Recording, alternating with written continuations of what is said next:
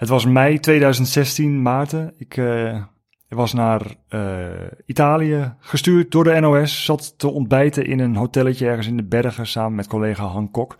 En naast ons kwamen uh, een paar van die gasten in van dat Astana blauwe, in van die Astana blauwe kleding zitten. Sterker nog, het was kleding van Astana. Het was Nibali, Samen met Scaponi en nog wat ploegmaats. Die zaten de tafel naast ons, even ver als jij bij mij vandaan zit. Dus dat is anderhalf meter bij, uh, bij ons vandaan. En um, Kruiswijk stond bovenaan in de Giro. Die ging hem winnen. Die ging hem winnen. Han en ik zeiden tegen elkaar, wat zijn deze mannen aan het bekokstoven? We konden er natuurlijk niet, uh, niks van meekrijgen van het gesprek, want het ging allemaal niet op luide toon. Maar achteraf heb ik daar nog vaak aan teruggedacht. We gaan het later dit uur nog uh, over Scaponi hebben ook. Uh, en de rest van het uur eigenlijk vooral over Astana. Maarten Ducro. Oh, weer valt het tegen. Maarten Ducro. Maar dat is het duidelijk de linkerballen. De linkerballen. Dat nou toch. Prima. Linkerballen, linkerballen. Prima. Waarom Astana? Nou, uh, ze rijden uh, de sterren van de hemel. De laatste anderhalf jaar en dit jaar in het bijzonder. Uh, quickstep-achtige vormen neemt dat aan. En iedereen begint natuurlijk weer te krakelen over wat zal daar wel weer niet los zijn. Uh, maar als je kijkt wat er in die ploeg veranderd is sinds het moment wat jij daar noemt, Nibali is eruit, uh, Aru is eruit, uh, Scarponi is overleden, verongelukt. dat heeft een enorme impact op die ploeg gehad. Is het raar dat iedereen, nou ja, niet iedereen, maar dat, dat, dat, dat je dat als vraag kan stellen? Uh, kijk, uh, op het moment dat je een bankier ziet, dan stel je de vraag van, zou je niet met zijn jatten in de kast zitten? Als je een priester ziet, zeg je van, nou, hoe zou het daarmee zijn? En, die kleine en als je een wielrenner ziet? En als je een wielrenner ziet, dan beginnen we altijd over de verboden pot. Ja. En daar gaan we natuurlijk eens eventjes als echte speurneuzen in spitten. Hoe zit dat? Ja.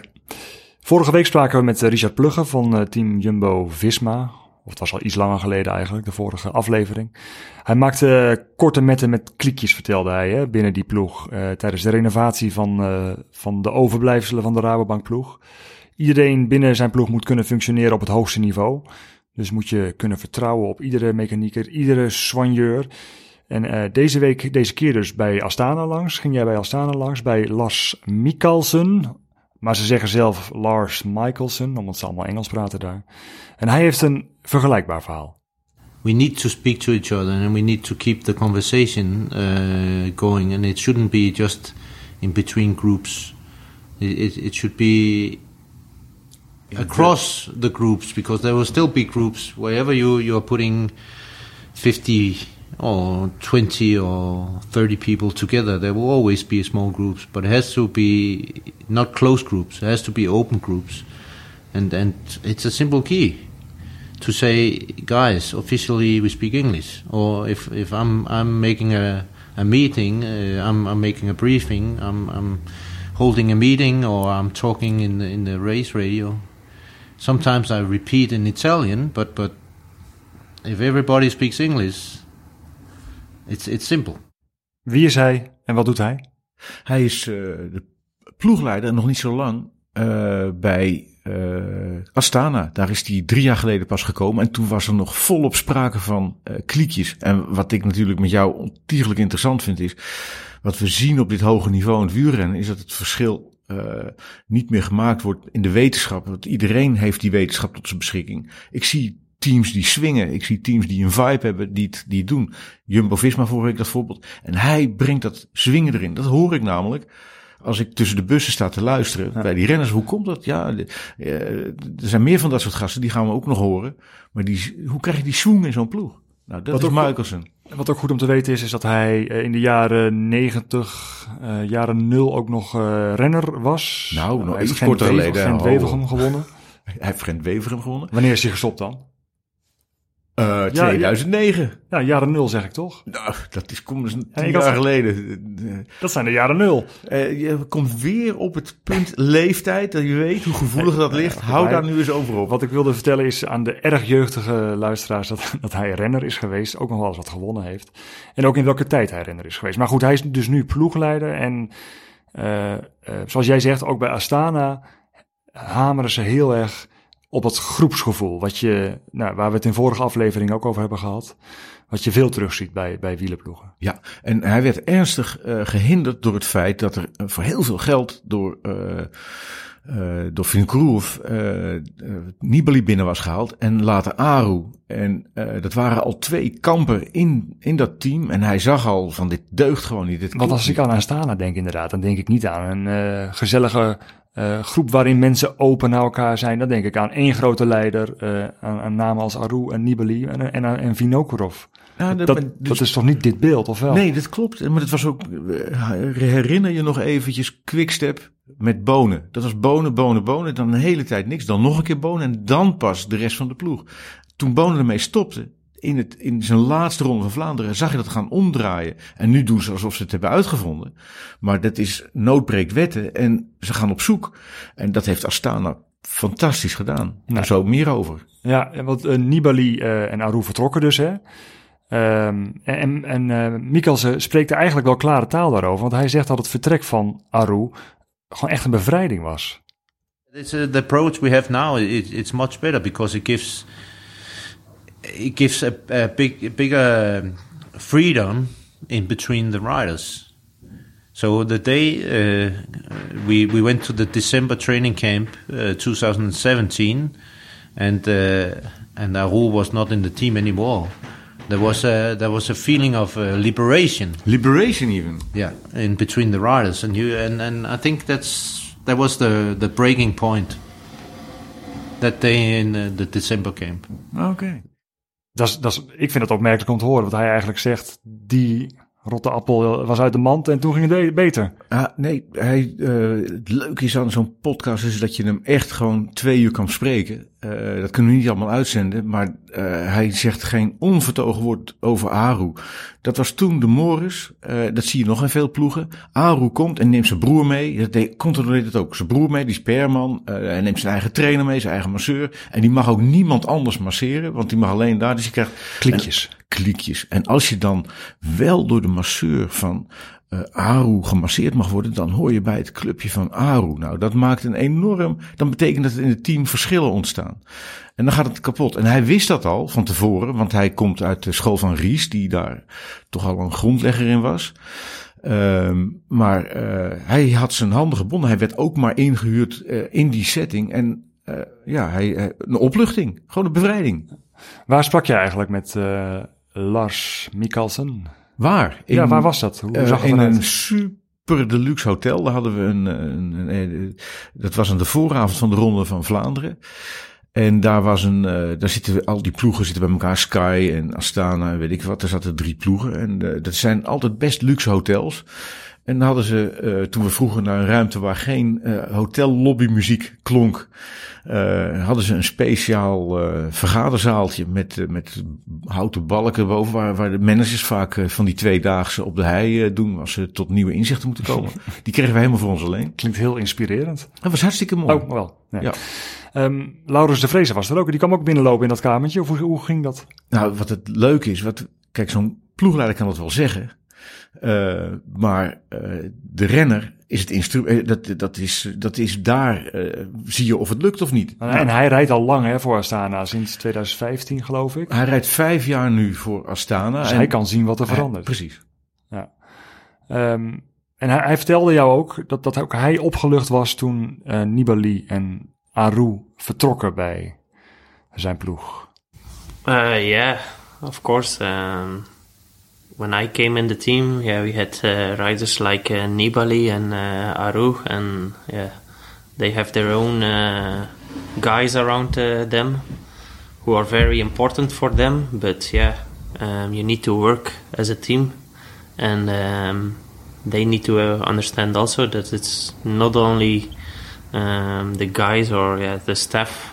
Um, they can choose because you work as a team, and um, I think yeah, for Lars he uh, he did very uh, a very good uh, good job, and when he came in the team, I saw a lot of uh, changements inside the team, so I'm very happy with him. Yeah. De Vreese zegt dat hij erg blij is met eh, Mikkelsen en dat, dat, dat, dat Lars Mikkelsen al die eh, dingen heeft doorgevoerd al, die, doorgevoerd, al die wijzigingen. Nou, wat jij ook zegt, hè.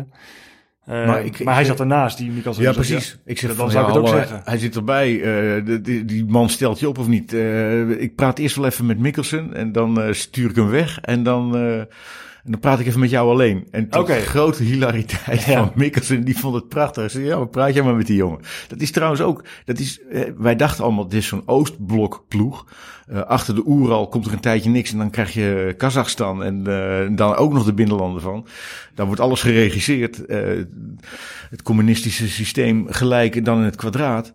Eh, hij liet dat, hij zegt juist, praat maar met hem. Eh, ik ga wel weg. En dan kom ik met hem in het Vlaams praten hierover. En dan gaan we nog wel even wat dieper in op wat is dan die team vibe? Hoe doe je dat en hoe draag jij daaraan bij? Want vergeet niet, die Laurens de Vreese is opgeleid eh, in België door Topsport Vlaanderen, door eh Plankaart, de oudste Plankaart. En eh, dat, was, dat is een goede renner voor in, de, voor in de klassiekers. Hij ontpopt zich als koerskaptein. En hij is juist heel goed in een dienende rol. Hij is eigenlijk veel beter dienend dan wanneer hij het zelf zou moeten doen. En juist hem even aan de tand voelen over van hoe werkt dat nou? Dat vond ik prettig. Dat gaat hij zo meteen nog even doen. Sterker nog, als ik het goed heb, gaat hij dat nu doen. Hij gaat uitleggen wat, wat die veranderingen binnen de ploeg eh, heeft eh, eh, mogelijk gemaakt.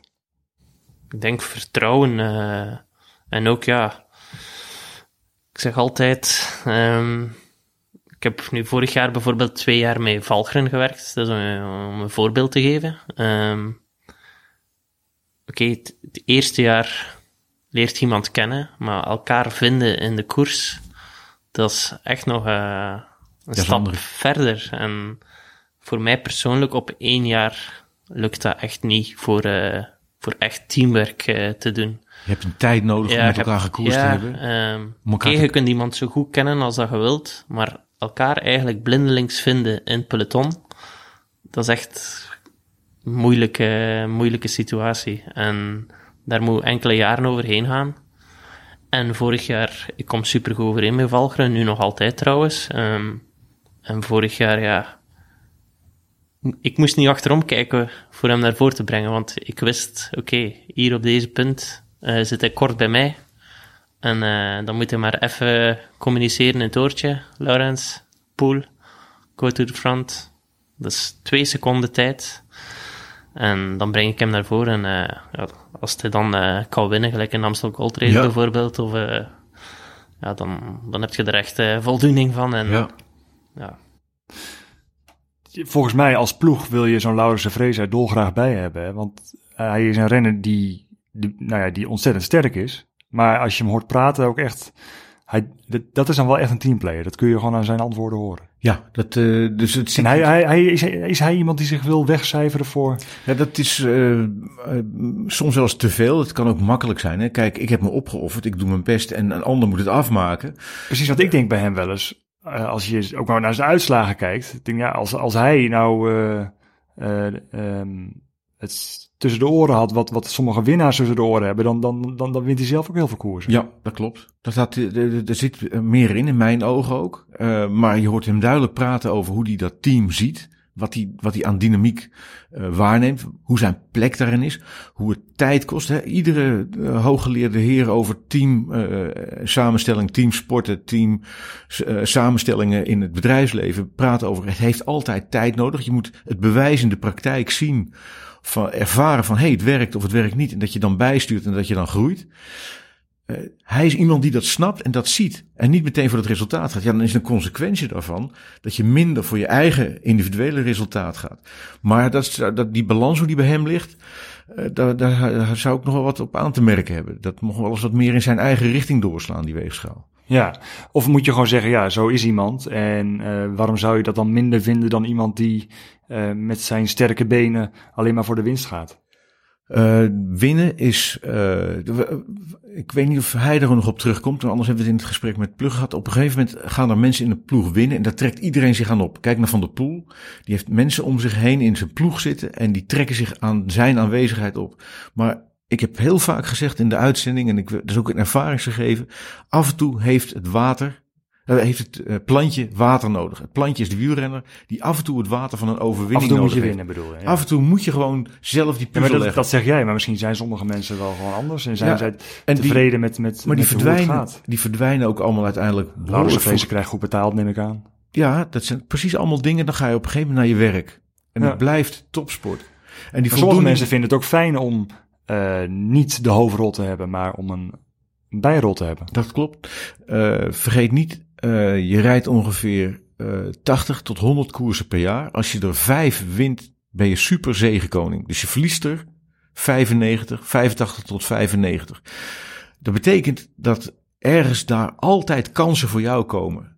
Ook als je vaak je opoffert. En die Laurens de Vrezen, die mag ik best wel wat meer zien in finales. Daar heeft hij de benen voor. Dan Dat zou jij tegen hem zeggen als hij jouw zoon was. Eh, Dan zou jij zeggen van ga ook eens een keer voor je eigen kant. Nee, dat zou ik. Dat, nee, want hij, in een team moet er altijd ruimte voor zijn. Ook in een team is er altijd ruimte voor ieders kwaliteiten. Dus dat betekent ook voor zijn kwaliteiten. En als je alleen maar met stoffer en blik eh, de vloer mag schoonmaken, dan bloedt dat dood. Dat, dat, hij krijgt er veel waardering voor. Eh, maar dan moet ook iets anders komen. Het moet intrinsiek, waarom ben ik gaan wielrennen? Dat plantje moet gevoed worden. Ja, toen ik jou, jou dat net hoorde zeggen, dat plantje moet water hebben, dacht ik, hé, hey, wacht even, we hebben de Maarten Ducro bingo nog.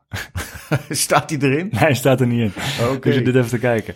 Eh, voor de mensen die eh, denken, wat is de Ducro bingo nou weer? Eh, dat is een bingo kaart van negen uitspraken die Maarten Ducro vaker doet dan, dan gemiddeld. En bijvoorbeeld in de uitzending of bijvoorbeeld in deze podcast. En dat plantje, Dat staat plantje er dat water moet hebben had er prima op kunnen staan, maar staat er niet op. In de beschrijving van deze podcast staan negen, staat de bingo kaart in feite, negen uitspraken.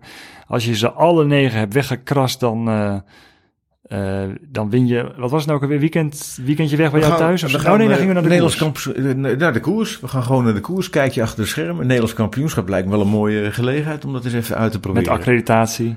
Hoppa, even rondkijken. Is leuk. Ja, dat kun je dus winnen. De Ducro bingo kaart staat in de beschrijving van deze podcast.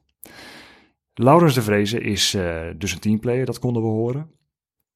Maar hij is ook eh, muzikaal, tenminste dat, dat gelooft hij zelf. Ik twijfel er zelf een beetje over. Met zijn ploeg eh, Astana dus maakte hij afgelopen winter tijdens een, tijdens een trainingskamp volgens mij een soort, of niet een soort, maar een, Een echt rap een rap, video. Ja. Een echte rap over, eh, over zijn ploeg. Nee, hij kan het allemaal wel uitleggen. Laten we gewoon even luisteren. All the other blue teams is better to ignore. Our leaders of the gang. This is Jacob Pugelsang. And Lunchenko on the couple champagne bottle. Is Lopez Superman climbing fast as his plan. With support of the team, they are like a machine. It's a standard tradition to be in the first position. Big ambition, now in a good condition. I'm doing my business, I'm doing my job. I will rap this song like Snoopy Doggy Dog. Snoopy Doggy Dog. Nou, wat leren we hiervan? Nou, dat het een enorme gangmaker is. En dat is ook de reden dat eh, toen ik aan de PR-man vroeg van eh, wie zal ik er eens bijhalen van die renners, dat hij eh, zelf al met Laurens de Vrezen kwam. Hij zegt dat is echt een sfeermaker. En dat heb je natuurlijk ook nodig in een ploeg. Maar wel een onderkoelde sfeermaker, hè? Snap je wat ik bedoel? Nee? In zijn uitingen naar buiten toe, hij is, eh, of onderkoeld, is dat het juiste woord? Ja, denk het wel. Hij is, Hij let op wat hij zegt. hij let op wat hij, nee, maar Ja. hij is ook droog. Ja, ja, ja hij, hij let op wat hij zegt. Je ziet en dat, dat, droog, ja. dat er een humor in hem borrelt of zo, maar het komt er alleen, leuke gast, het ja. komt er eh, op bepaalde, alleen op gezette momenten uit, of niet? Ja, nou, dat klopt. Ja, nee, ik heb daar denk ik nog wel een voorbeeldje van in het gesprek. Als ik, eh, want we moeten natuurlijk ook wel eens af en toe over de zwarte kanten van Astana praten. En eh, hij, hij neemt vooral ook wel een standpunt in. Dat is heel bel- belangrijk. Je kunt alleen zo'n ploeg op sleeptouw nemen als je ook wel echt een baken in die ploeg bent. Dat betekent dat je er wel moet staan. Dan moet je niet een clown zijn die een beetje meedwarrelt. Hè, Scarponi bijvoorbeeld is echt een man in die ploeg geweest. Die stond voor iets. Dat was de ploegoudste. Die bracht daar humor in, lol. Maar dat, dat was oprecht. Dat was een monument, die kerel in die ploeg. Daar, daar heb je dus ook over gepraat. Ehm, eh, Sven Jonker is eh, PR-man bij Astana. Eh, Die had daar geloof ik ook nog het een en ander over te vertellen. Zullen, zullen we hem daar eens even over Ja, proberen? misschien mag ik een kleine Ja? introductie geven. Want Sven is een korfbaljongen. Ja, Ja, even. Laat het even op je inwerken. Ja, Dus- jij, ja. En die verder. komt achter de Oeral terecht in een Kazachse ploeg om daar de PR te gaan doen. Dus je begrijpt dat hij wel een beetje door moest, dat hij even ingewijd moest worden. En Zullen we, gewoon, zullen we hem gewoon Bel bellen en hem vragen hoe hij daar Je terecht is gekomen? Kan hij ook dat verhaal vertellen over Scarponi? Want jij zei, hij heeft, hij heeft daar een bijzonder verhaal over. Ja. bel hem even op. Ik weet ook niet wat het is, dat verhaal. Dus we gaan, hem- gaan hem gewoon even bellen. Sven Jonker.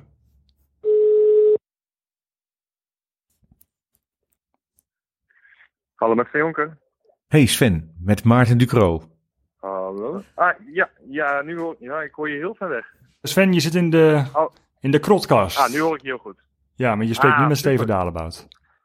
Ah, hey Steven. Hallo. hey, hallo. ja, nu, nu, nu, nu, hoor- nu hoor ik je goed. Het gaat erom dat we jou horen en wel over het volgende. Ehm, want jij hebt natuurlijk eh, vrij onlangs, relatief kort eh, geleden, kennis gemaakt met die ploeg. En jij vertelde me op een parkeerplaats bij Gent-Wevergem eh, hoe dat familiegevoel wat daar eh, onder zat eh, echt tot uiting kwam toen Scarponi overleed. Kan je daar iets over vertellen? Ja, nou ja, toen ik dus bij, bij de ploeg kwam, dat is december eh, 2017 was dat. En nou dat jaar inderdaad kwam Scarponi te overlijden. En eigenlijk toen ik bij de ploeg kwam, vielen inderdaad gewoon twee dingen op. Dat was het eerste wat gewoon heel erg opviel, is dat het echt werd gezegd van oké, vanaf nu eh, maak je deel uit van onze familie. En eh Astana heeft heel weinig verloop in, eh, in het personeel. Dus de meeste mannen die zitten daar en vrouwen zitten daar al nou ja, minstens tien jaar, de meeste. Eh, dus ja, daar zit weinig verloop in. En er werd meteen gezegd, nou ja, nu ben je ook deel van de familie. En eh, nou ja, ze geven evenveel om mij als iemand die er al tien jaar zit. En dat, dat gevoel, dat is er eigenlijk bij elke wedstrijd. Dus elke keer als we weer bij een koers aankomen, eh, is het, nou ja, gewoon alsof je elkaar al jaren kent. Terwijl je elkaar dus, nou ja, inderdaad maar relatief kort kent. Dus dat was een, nou ja, wel een vrij positief gevoel. En, ja, en natuurlijk dat, eh, dat gat wat Scarponi had achtergelaten, dat was ook heel duidelijk merkbaar. Hè? Dat was, eh, want ik kreeg meteen alle filmpjes te zien van, van, nou van ploegleiders die, die hem heel goed kennen, onze Italiaanse ploegleiders. Nou ja, Astana die zorgt nog steeds voor de familie van Scarponi. Dus die, die zorgen nog steeds dat zijn weduwe en, en kinderen ja, dat, dat die het aan niks ontbreekt. Die komen ook regelmatig bij ons langs. Eh, alle renners hebben een goede band ook met, eh, met de weduwe en met die kinderen. Dat is nou, heel bijzonder om te zien. Dus eh, tijdens de Tirreno van dit jaar heb ik ze ook eh, mogen ontmoeten. Nou, als je ziet hoe daarmee wordt omgegaan, eh, ja, dat is, daar, krijg je gewoon kippenvel van, zeg maar. Dus dat is, ja, het is zeg maar niet het beeld wat de meeste mensen hebben van een, van een ploeg als Astana. Wat het toch eh, het, eh, onbekend maakt, onbemind, eh, is, daar, bij onze ploeg wel redelijk van toepassing, denk ik. Ja. En eh, ja, en wat je gewoon met dit soort dingen ziet, is dat het juist eigenlijk een hele warme ploeg is. En dat het echt een, eh, ja, zeg maar mijn beeld ook van de ploeg. Kijk, natuurlijk, toen ik bij Astana begon had ik ook een be- bepaald beeld bij. Eh, maar na de eerste gesprekken draaide dat al een beetje bij. En, en ik denk dat na een, maand was het, nou ja, eigenlijk tegenovergestelde eigenlijk het beeld van wat ik had. En ja, ja, dat is eigenlijk wat het is nu, ja. En ben, ben je daar tot op de dag van vandaag nooit over eh, nooit teleurgesteld in geweest, hoe de dingen gaan bij die ploeg? Nee, het is alleen maar 100% tegengevallen. Ik heb hiervoor eh, heel lang in de. Ik werk nu ongeveer eh, acht jaar in de sportcommunicatie. En dan heb ik echt heel veel verschillende sporten gezien. Dus ik ben in het volleybal gezeten bij. nou ja, ik heb via het sportmarketingbureau Sport5 nog voor circuit Zandvoort eh, gewerkt. Met, met, eh, nou, met Max Verstappen. Dus ik heb, ik heb in heel veel verschillende En je was zelf korfballer? Ik was zelf korfballer. Nou ja, dat is dan alleen geen professionele sport. Maar eh, inderdaad, ik heb gewoon sportploegen van, nou ja, van dichtbij of van binnenuit mee mogen maken.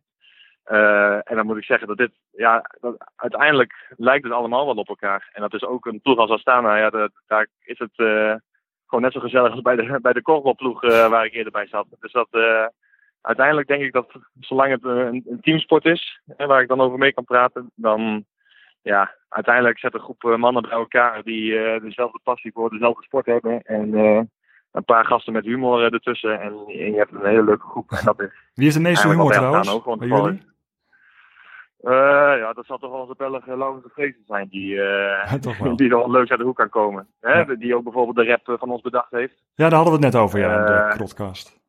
Ja, precies. Dus dat, eh, dat, dat is eh Laurens de Vrees wel. Maar je hebt allemaal gasten die, ja, de ene is misschien stiller en teruggetrokken en de andere is eh, juist weer wat meer uitbundig. Lutsenko is ook iemand die, die heel leuk uit de hoek kan komen. Maar meestal juist voor de camera altijd een beetje wat stiller is. Dus dat is ook wel een, ja, dus uiteindelijk op het moment dat je in de ploeg zit, dan merk je pas echt de ja, een beetje hoe de, hoe de ploeg functioneert. En dat is, eh, nee, dat, is- dat is me zeker nog niet tegengevallen. Nog één ding over Scaponi, want ook bij een van de vele overwinningen die jullie dit jaar haalden, eh, hoorde ik weer die verwijzing inderdaad na afloop door de winnaar naar Scaponi. Hè? Wat, wat, wat voor rol heeft het overlijden van Scaponi op dit moment nog in de ploeg? Is het nog steeds zo dat het een soort van bindende rol ook is? Eh, nou, ik denk nog steeds wel een, een vrij grote rol. Eh, Scaponi was een. Ik heb hem zelf nooit mogen leren kennen, maar als ik alle verhalen zo hoor van eh, renners en van de staf, was het echt eh, ja, niet alleen een gigantische gangmaker die gewoon iedereen erbij betrok, maar was het ook gewoon een, eh, ja, echt een, een, een die ook op het moment dat het minder goed ging, iedereen er, erbij pakte en ook gewoon heel serieus kon zijn. Die was dus echt een, nou ja, wat, de- wat de aanvoerder is van een voetbalploeg, dat was hij echt binnen, binnen Astana. En, en dat merk je, nou ja, dat merk ik toen ik binnenkwam en dat merk ik nu nog steeds, dat dat nog steeds een groot gemis is. Eh, en waar het misschien in 2017 eh, waren de resultaten ook veel minder. Toen was het echt, eh, wat ik begrepen heb, nou, dat het hele seizoen toch echt wel om zijn overleden, overlijden heeft gedraaid. Is het nu een beetje eh, omgedraaid naar een soort eh, kracht. Hè? Als je ziet, eh eh, Jacob Voegensang bijvoorbeeld, Tireno, die bij de finish meteen omhoog wijst. En als je ziet hoeveel mensen daar, eh, en ze waren ook in de regio waar, eh waar Scaponi eh, vandaan kwam. Als je ziet, nou, daar, daar is Astana de meest populaire ploeg die daar rondrijdt. Dat is echt ja, dat is heel bijzonder om mee te maken. Gewoon hoe mensen begaan zijn met Astana, alleen omdat Scaponi daar ook zo'n grote rol heeft gehad. En, en ik denk dat die rol, die heeft hij nog steeds voor heel veel renners binnen het team. En nou, we zitten nu, aan het praten zijn, zitten we een dag voor de Amsterdam Gold Race, maar ook twee dagen voor, voor zijn dag van overlijden, eh, twee jaar geleden. En je merkt wel aan, eh, nou, bijvoorbeeld inderdaad bij Jacob Voegelsang, die is daar wel mee bezig. En die, die is misschien nog wel een stukje gemotiveerder, eh, samen met uh, Lutsenko, die daar ook heel mee begaan is. Die zijn morgen nog een stukje gemotiveerder om goed te presteren in de Gold Race. Dus Hey. ja, je merkt het nog zeker. Goed zo. Sven, dat wou ik even Ja. uit je eigen mond horen in de krotcast. Want eh, tussen die bussen eh, verdween het een beetje in het geraas en geruis. Maar het is mooi dat dit verhaal verteld wordt. En het geeft een goed kijkje. Dankjewel. Ja, eh, geen probleem. Geen probleem. Sven Jonker was dat, de PR-man dus bij eh, Astana. En Kazachen zijn normaal eh, korter van stof. Geweldig. ze weten niet wat ze meemaken daar. Ja. Wat een van de dingen die hij vertelde, eh, los van dat het natuurlijk over Scaponi ging, maar was eh, inderdaad de bevestiging dat Laurens de Vreese dus het, eh, het feestnummer is binnen die ploeg. Voordat we hem belden, hadden we het over ehm Laurens de Vreese als, ja, moet hij misschien niet ook wat meer voor eigen kansen gaan? Ehm, en daar heeft hij zelf ook wel wat, wat over te vertellen. Op de vraag dus, waarom ga je niet een keer voor je eigen ambities? Mm, ik heb enorm veel voldoening van, eh, van mijn knechtwerk. En ik weet wat ik kan, maar ik weet ook wat ik niet kan. En ik denk dat dat wel eh, belangrijk is. Ehm, mijn sterkte als knecht is dat ik eh, nog diep in de finale Ja. kan zitten. En ehm, ik kan de koers wel in een beslissende plooi leggen Zonder het af te maken.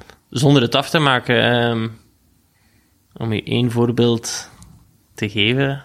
ehm, Twee mag ook hoor. Lars Boom, ehm, die denk, ik denk niet dat hij zonder mij top 10 ging halen in eh, de Ronde van Vlaanderen. En dan, dan doelt hij denk ik op 2015, 2016, die tijd. Ja, Jeetje, dat dan moet ik weer mijn Ja, database nee, maar, dat Boom reed toen twee keer heel goed. ja, zeker. Ja, en daar was hij natuurlijk bij betrokken. Ja. Ja. Dat, eh, zijn kracht is dat hij, eh, als de koers zwaar is geweest, er nog bij zit. En dan gaan de renners nadenken van hoe ga ik hier in vredesnaam nog een winnende move maken. Daar hoeft hij er niet over na te denken, zoals hij net zegt. Eh, dan kan die iemand als Lars Boom helpen. Ja, Een heldere rolverdeling is dus heel erg belangrijk. En ook een van de eikpunten van eh Mikkelsens aanpak als ploegleider. uh, how how would Yeah, our yeah. strategy be in, in, in big terms, and then giving uh, name by name the riders uh, clear message that he's a leader or he's a co-leader. This is the sprinter, and and and you four guys, you are helpers, and just that you have that clarified on an early stage uh, takes away a lot of uh, belief from some fantast. I don't know how you say it in English, but somebody who every time think that that he can be the leader. he can be the leader or the race can be for him or he has a chance. No, you are now a domestic. You are a helper because we need you as a helper, and and and that takes away some of the trouble you might have yeah. found, uh, and it clarifies it- the roles. yeah, but it also brings in a, a little bit of trouble, maybe. Yeah, but I, but I that, talk to a lot of team leaders who say, "I have this guy," and we say, "Okay, okay, if that's what you want." I say yes, but he does know. Verklaar je nader. Wat je vaak ziet is dat eh, bij andere ploegen, waarbij dat teamwerk nog niet zo goed op punt is, eh, dat mensen. eh, dat, dat leuk was waar we met Pluggen vorige week over spraken, de oude Rabobank eh, restanten. Dan zag je dat jongens zeggen: van, Oké, oké, ik, ik offer mij op voor als het zo uitkomt. Maar dan kwam puntje bij paaltje en dan waren ze in geen velden of wegen te bekennen en probeerden ze hun eigen prijsje te rijden. Ik probeer te achterhalen hoe je flexibel bent, toch, in, in dat geweld van zo'n koers. En eh, hij maakt dus gebruik van meerdere co-leaders, maar zijn domestics, zijn knechten, die wijst hij echt van tevoren aan. Dat is echt belangrijk dat je je eigen ambities nu even aan de kant zet. En wat me opviel ook is in, dat gesprek wat jij met hem had, dus, eh, is dat, dat, dat hij ook heel erg hamert op vertrouwen. Hè? Eh, hij zegt ook, een renner is geen robot met afstandsbediening. Je controleert hem niet, maar je moet ze wel begeleiden. En hij zegt dat, dat, dat het ook belangrijk is dat hij zelf oud-renner is. Also with my knowledge from cycling career, even it's back in time, it still remains the same. I'm sorry to say this for some of the the new technological fanatics, but it still is about having the, the eye to the, the detail in the In the race. in the race parcours uh, between the the opponents, the other riders. Who should you look after? And how should you be positioned? Are you are you fifth wheel or eighth wheel in this particular situation? Makes a difference. And that sorry, you cannot calculate the, your way through. It's something about have been there yourself and know you're better off in fifth wheel here because it probably will break. And if you are up in first and second wheel, you will use too much energy. All these small things sounds for some for some people logic, and for some people they don't understand. But the, the only one who can make the decision on the road is the rider himself, and he has to be free to decide for himself. And- Exactly. Yeah. But but having a, a, a sports director who have been there himself, have experiences, it makes a difference. Yeah. I know it from when I was rider myself. You you want to have that support, and you don't want to have, uh, excuse me, a nobody sitting uh, behind the steering wheel talking to you in, in the radio, telling you things that is not right. Then you lose the confidence for your sports director. So what do you talk about then in the in the radio? But that's that's uh, uh, well, you cannot um, uh, you cannot control him with a with, a, with, with, with, with the remote control. the remote control or anything. But you can give him these information. Remember, uh, and now it's a good moment to, to eat and drink and, and all these things that actually he knows a lot of it himself. Lars Mikkelsen zegt ook onder andere dat hij geen eh, nobody wil als ploegleider. Welke, welke ploegleiders denkt hij aan dan?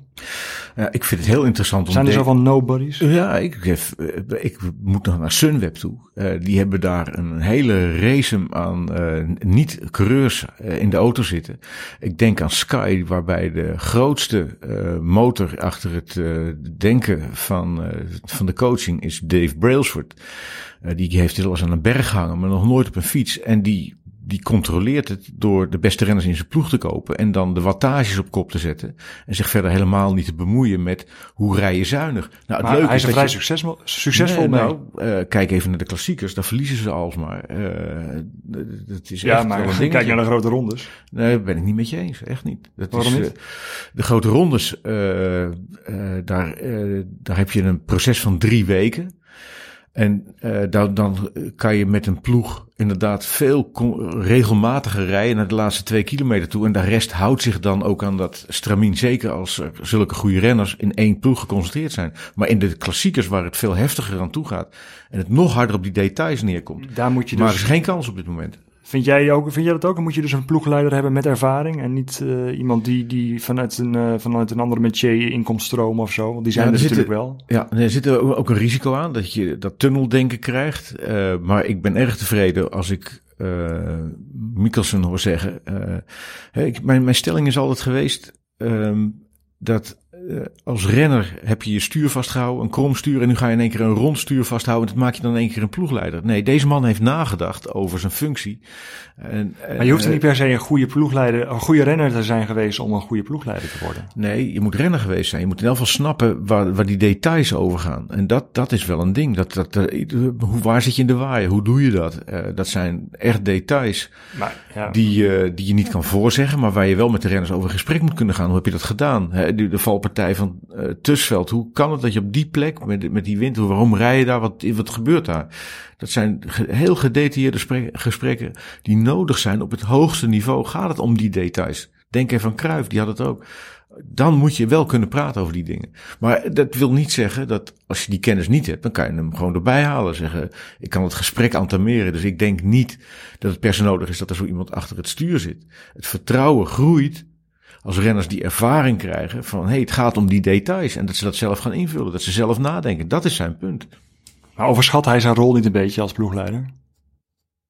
Ik ken ploegleiders die zeggen, ja, het is een stukje sturen en dat is het. Ja, nou, die zitten er toch wel naast, denk ik. Ja, ben ik het gruwelijk mee oneens met die stelling. Je bent eh, als ploegleider niet belangrijk in de koers, maar wel in de voorbereiding. En in het nabespreken over hoe je dat voor elkaar krijgt. En die details Nou ja, precies, dat is dan misschien het vers- verschil tussen inderdaad. Ja, tussen, eh, in de koers. dat is zijn punt ook. En eh, we gaan later nog eh, met andere ploegleiders praten over hoe zo'n proces in de koers gaat. Bijvoorbeeld de ploegleider van Christophe, eh Ellen Piper. En dan, dan hoor je ook, wat hij ook zegt, je moet ze niet dood communiceren. Je moet er zijn op het moment dat ze je nodig hebben. Even, even een paar minuten terug in dit gesprek. Heb jij, zei je eh, zojuist, zojuist tegen mij dat, dat ze bij Sunweb eigenlijk niet ervaren genoeg zijn, de ploegleiders? De- ik zie ze fouten maken die absoluut met gebrek aan ervaring te maken hebben. Te veel in de wind rijden, te veel gecontroleerd. Daardoor eh, te voorspelbaar zijn, niet kunnen schakelen, niet met meerdere kopmannen. Dat, eh, daar gaan dingen in fout. En dat heeft ook te maken met een visie en een gebrek aan andere ervaring. En als je die andere ervaring niet hebt, dan breng je hem in. Dat doet Michelson ook. Mikkelsen moet ik zeggen. Mikkelsen. Ja, Nou, Sunweb heeft nu tu- natuurlijk in de klassiekers het eerste deel gereden met eh Michiel Elijzen. Oud-renner. absoluut. Nou, dat merk je toch ook. Ja. Die gaan we ook nog spreken. Leuk. Wordt een mooie ontdekkingstocht. Het is tijd voor de fanmail, eh, Maarten. Eh, nou? Kom erop. Nou ja, ik kreeg geen post, maar ik werd deze week aangesproken door een van onze luisteraars, Jan Pieter. En die vroeg zich af waarom het eigenlijk Krotcast heet. En waarom mijn naam niet in de titel zit. Kijk, eh, Steven, eh, ik ben natuurlijk veel belangrijker dan jij. En eh, door mij komen al die luisteraars. En dat... Dat is precies wat ik tegen hem zei. Ik potverdikke, krijg wat- het er niet door, zei ik, die vervelende Ducro. Nee, nee, nee, nee, We ik- kunnen hem de daalkast Nee, dat slaat sowieso nergens op. En, eh, Maar goede suggesties zijn ik- altijd welkom. Ik ben het wel met je. Dat is precies wat, echt wat ik tegen hem ook zei. Ik bedoel, ja, als de, de Krotcast, dat, ik- dat spreekt meer mensen aan. En vooral die, die markante kop ook op het artwork van deze podcast van jou. Ehm, daar klikken natuurlijk meer mensen op dan als het eh, Maar e- van even- jou als oud-renner dan, eh, dan als de Daleboutcast zou heten. Maar we kunnen wel even een mooie naamjingle maken of zo. Vind ik een goeie. Want ik vind, ik echt, in het team hebben we net geleerd, is niemand bijzonder. Ja, Iedereen is gelijk, hè? Ja, nee, serieus. precies. Ja, dit Ja. is wel een goed, goed dat je dat zegt, ja. Ja, daarom vind ik deze grap ook eigenlijk... Die, eh, ik was helemaal niet zo serieus bedoeld, maar het, het leidt wel ergens toe. Ik, eh, ik trap op je staart, zie ik. Heel goed. Als jij daar voor, die, voor zo'n jingle zorgt, of zo'n, eh, hoe je het ook noemen wil, als mijn naam er maar in zit. Ja, ehm, dan, dan ben ik tevreden. Ehm, dan gaan we even terug naar Laurens de Vreese, want de vraag is hoe ervaart hij die aanwezigheid van zijn ploegleider Lars Mikkelsen dus ehm, eh, binnen de ploeg? Komt hij dan elke dag even kletsen op zijn kamer? Het draait allemaal om communicatie, zegt ook Laurens de Vreese. En de ploeg is er wel meer en meer van bewust dat dat alles eigenlijk start met, met goed communiceren. Ehm, Gewoon elkaar kunnen verstaan heb je ja, ja. ehm, Maar dan is er ook nog, wat wordt er gezegd? Eh, ja, Waar hebben jullie het over? ja oké, je hebt, je hebt buiten de koers, maar je hebt in de koers ook.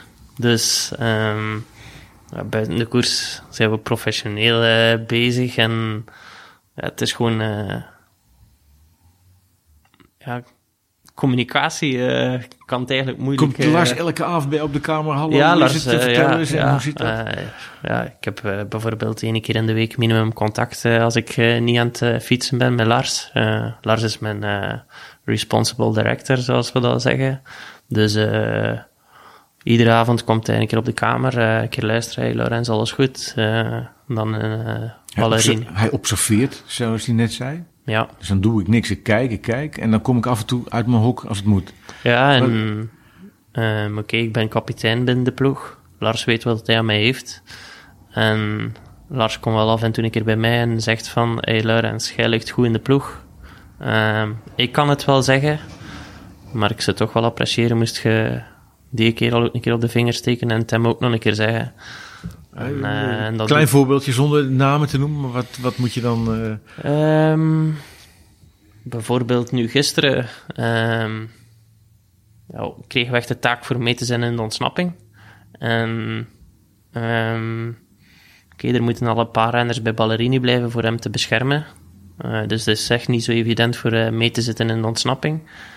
En als iedereen elk om beurt eh, zijn werk een keer doet en een keer probeert mee te gaan in de ontsnapping, dan heb je veel meer kans voor eh, in die ontsnapping te zitten. en nu waren het er zelf. En dat was nu eh, perfect gelukt. Oh. Iedereen elke tour geprobeerd voor in die ontsnapping te zitten, omdat dat wel de eerste doelstelling was van, van onze wedstrijd gisteren. En oké, Bijitov zit dan in, in de ontsnapping. Ehm, ja, het is nu zijn tweede jaar hier binnen de ploeg. Ehm, weinig ervaring, eh, onzeker van, van zichzelf en Vlaanderen, ja, die jongens trekken hier serieuze ogen open, want er is enorm veel nerveus gekoerst en het is ook een zeer hoog niveau. Dus het is niet zo evident voor eh, goed te presteren. Ehm, en dan Lars, oké, ik kan hem wel supporten, maar eh, dan komt Lars gisteren bij mij en dan zegt hij, Laurens, geef hem toch ook nog een keer een steuntje in de rug en ja, dan ga ik naar hem toe en dan zeg ik, hey man, gisteren chapeau jong, goed bezig. Ja, ja, ja, ja. En dan zie je wel, eh oké, misschien niet bij één keer, maar als dat twee of drie keer herhaald wordt, dan gaat hij hem eh, volgende wedstrijd wel eh, extra inzetten. En die drijfveer hebben we nodig binnen de ploeg. Godverdikke. ik heb in, bij TVM gereden, bij Kees Priem, als je die nog kent, en daarvoor bij Jan Raas. Ja. dat ging, was een andere koek. Dan kwamen ze alleen tijden, langs als, je uit de ploeg geflikkerd werd of als je salarisverlaging kreeg of zo. Ja, Maarten, was het, was het echt wel anders toen? Ja, eh, alles is communicatie. Hij, hij vult het in. Ik vind het is nog half bewust, maar wat die Mikkelsen, Mikkelsen eh, heel, heel goed uitlegde is echt, je moet niet overcommuniceren. Je moet er gewoon zijn. Ze moeten weten dat je er bent. Als er iets te weten is, dat zij het weten. Dat jij weet wat zij weten.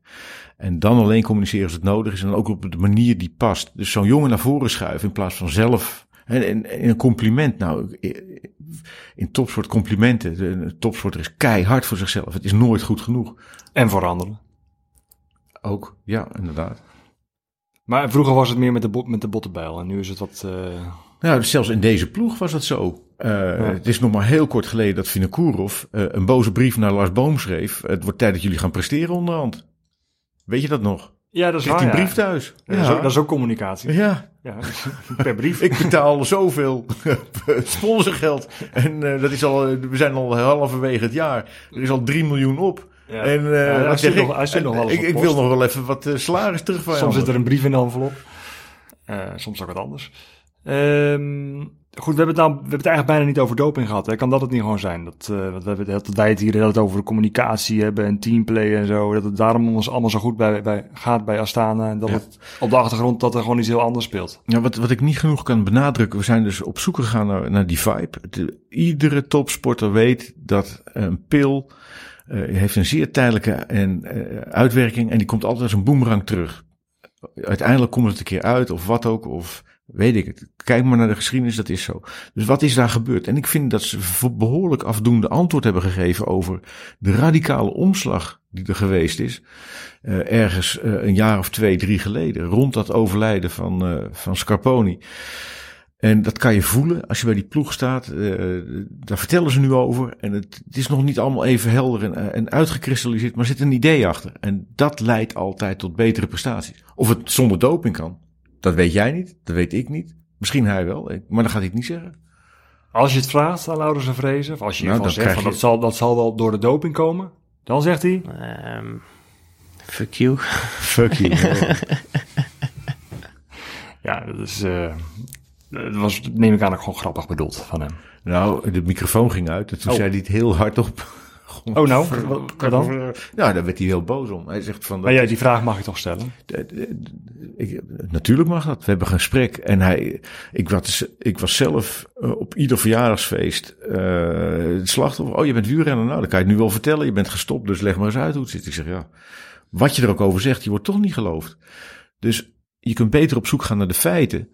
En wat is er veranderd in die ploeg? En dan, ja, dan zie ik dat ze nu beter presteren dan een paar jaar terug. Toen ze ook al doping zouden hebben gebruikt. Ja, maar wat zei hij verder nog toen die microfoon uitstond? Nou, een paar dingen over, over, over personen, daar willen ze nooit over praten. Dus mensen die wel zich kunnen opofferen in een ploeg. En mensen die dat niet kunnen, zoals hij dat wel kan en anderen niet. Eh, hoe die jongens dus ook verdwijnen uit de ploeg. En hoe, hoe dat zich uiteindelijk uitselecteert. En hoe dat tijd kost. Dat is mooi om, om ze daarover te horen. En wat zei hij over doping? Toen de Nou, microfoon fuck you. En, en toen de microfoon uitstond, ja, dat is, het is zo duidelijk dat, eh, dat eh, wat we hier met die ploeg aan het doen zijn. En eh, ja, die vraag blijft altijd komen. Is vrij ambetant, noem het een, Vlaming. Dat, dat is vrij ambetant, jongen. Ja. De laatste woorden van eh, Laurens de Vrezen, eh, die dus een, eh, een bijzonder verhaal had eh, over zijn ploeg Astana. Ehm, wat gaan we de volgende podcast doen, Maarten? Nou, Heb je al een idee? Ja, We hadden nog eh, Sebastian Langenveld willen bellen vandaag, maar die eh, nam niet op. ja, we hebben het gehad over passen in een ploeg en je opofferen voor een ploeg. En die man die heeft natuurlijk een enorm offer gebracht. We komen nog bij hem terug. Dat gaan we, da- daar ga jij achteraan, hè? Ja. En verder?